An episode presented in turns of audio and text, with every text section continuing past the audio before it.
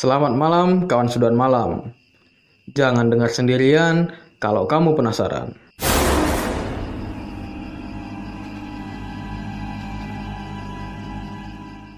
Kali ini saya akan membacakan cerita yang dikirimkan oleh Andika. Yang mana si Andika ini baru pertama kali nih melihat makhluk tak kasat mata. Dan menurut saya cerita ini sangat epik ya. Bagaimana cerita lengkapnya? Stay tune.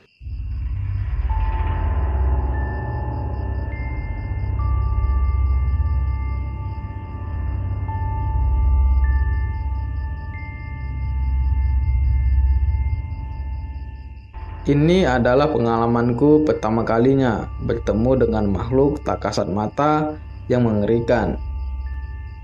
Namaku Andika. Aku adalah mahasiswa di salah satu perguruan tinggi negeri yang ada di kota Semarang. Aku adalah anak rantau yang sedang mewujudkan mimpian sesuai dengan harapan orang tuaku. Ya, jurusan yang sebetulnya tidak aku minati tapi demi orang tua harus aku jalani. Akhir-akhir ini aku disibukkan dengan laporan-laporan yang menyebalkan. Begitulah pikirku saat itu ketika menginjak semester-semester akhir. Oh iya, selama kuliah aku tinggal dengan saudara ibuku yang lokasinya menempuh jarak 20 km jika ingin ke kampus. Ya, kira-kira 30 menit perjalanan santai. Namun hal itu akan berbeda ketika ada kuliah pagi yang mungkin bisa ditempuh dengan waktu 15 menit saja. Sering bolak-balik dari rumah saudara ke kampus karena deadline tugas membuatku merasa lelah dan keteteran karena tugas menjadi berantakan. Aku pun memutuskan untuk menyewa kos untuk beberapa bulan ke depan. Sekedar melepas penat dan ngerjain tugas bareng sama teman-teman saat itu. Ah, di sini aja lah. Lagian cuma buat beberapa bulan doang. Dan harganya pun cuma 250 ribu per bulan. Kataku. Hari pertama dan hari kedua berjalan seperti biasa. Tugas, laporan, tugas, laporan. Terus yang aku kerjakan.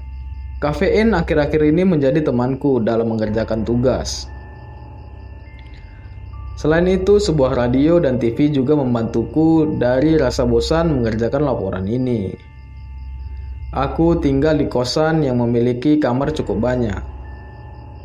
Kamarku bernomor 23, yang letaknya tepat di tengah lorong lantai 2. Dari depan saja sudah terlihat seperti bangunan tak terawat.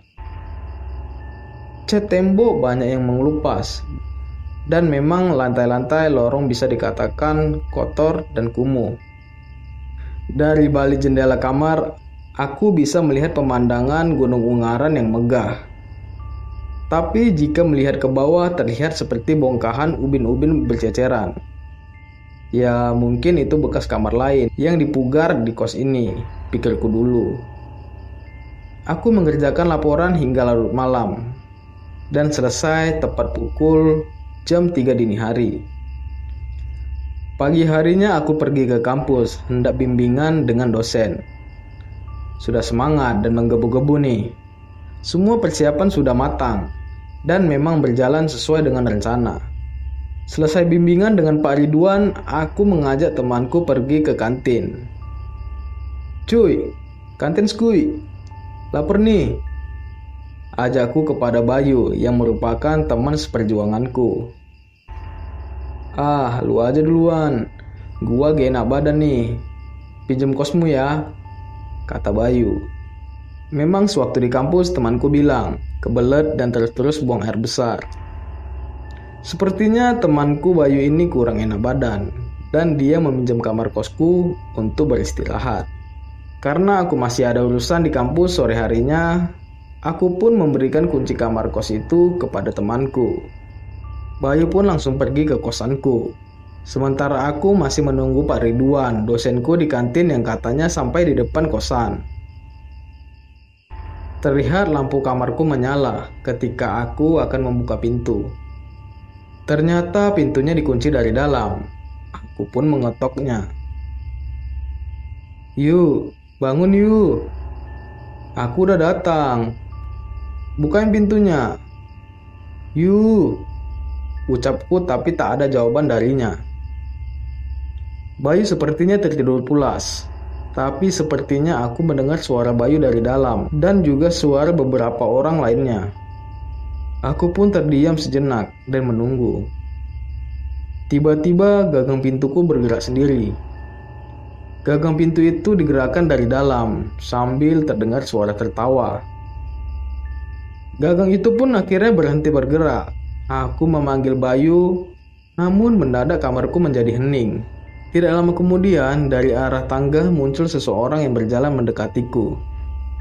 Aku begitu kaget ketika yang aku lihat itu adalah Bayu.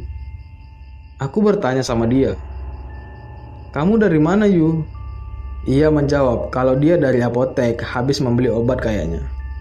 Sambil menyodorkan kunci kamar dan langsung pamit kepadaku. Aku hanya bisa diam. Setelah Bayu pulang, aku langsung membuka pintu kamarku yang ternyata terkunci dari luar. Di dalam ruang kamarku memang tidak ada siapa-siapa. Seketika bulu kuduku berdiri Aku memeriksa ruang kamar yang tampak jelas benar-benar kosong itu. Dan di lorong kos itu cuma ada kami berdua saja.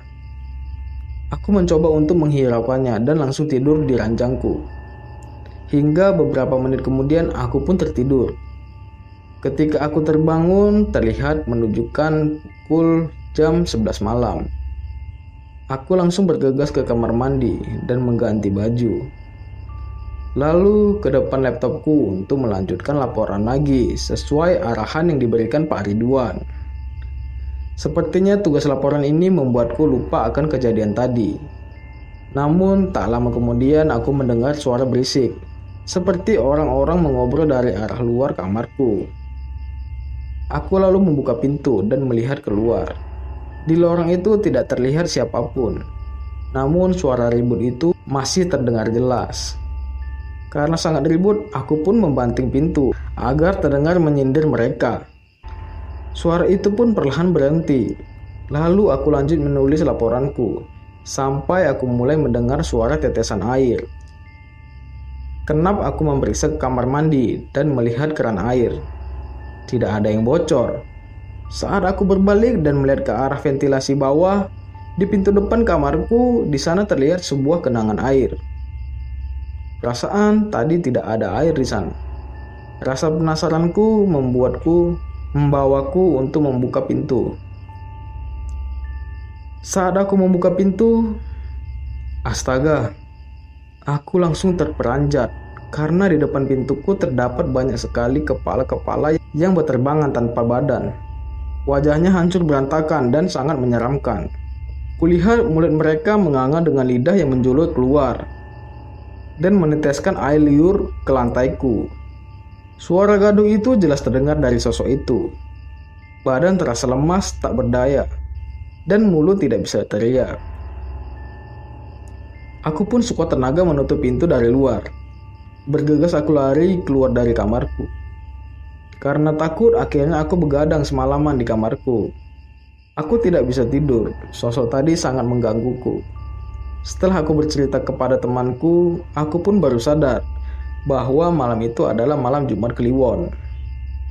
Belakangan ini banyak teman-teman kos yang mengalami kejadian serupa di atas jam 11 malam. Mulai dari penampakan kepala melayang, sosok tinggi besar berkulit hitam, hingga suara tangisan perempuan seperti merintih kesakitan.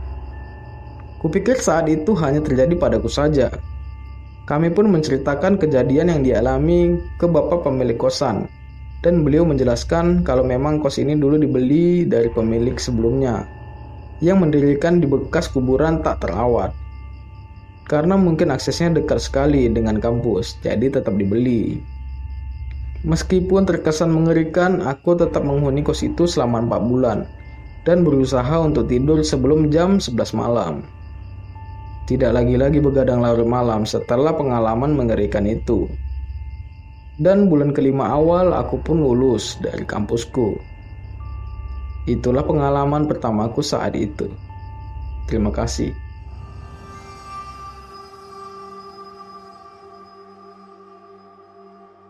Oke, itu dia tadi pengalaman mistis dari Andika.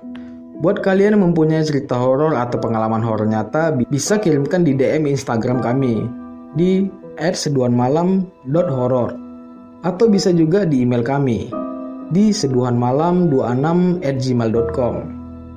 Aku Alwi pamit, sampai jumpa di episode selanjutnya.